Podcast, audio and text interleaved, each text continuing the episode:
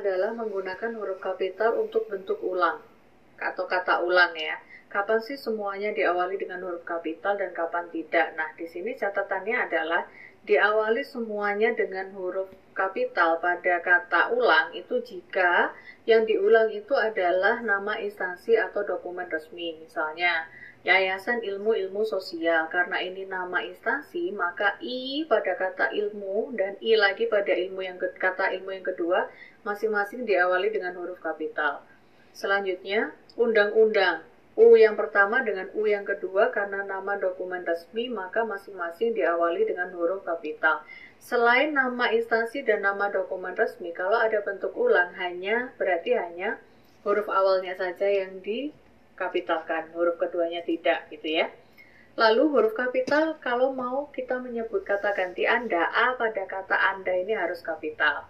Kemudian itu yang tentang huruf kapital. Selanjutnya saya lanjutkan dengan bagaimana cara menulis huruf cetak miring. Kalau untuk istilah asing, kalian pasti sudah tahu ya bahwa kalau ada istilah asing pastilah dicetak miring. Penulisan judul buku, nah ini yang perlu ditandai.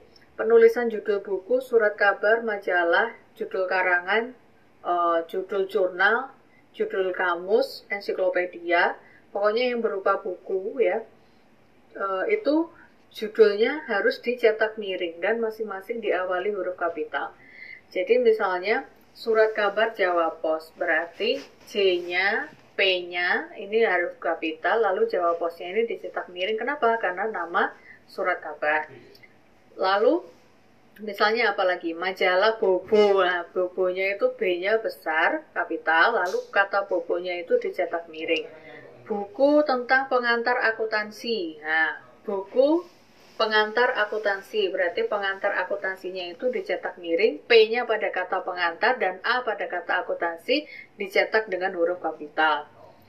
Lalu kalau dalam karangan, nah ini yang sering salah, misalnya di latar belakang, itu berdasarkan latar belakang di atas, penelitian ini berjudul Ragam Bahasa Inggris Pariwisata, misalnya nih ya. Ini seringnya apa menulisnya?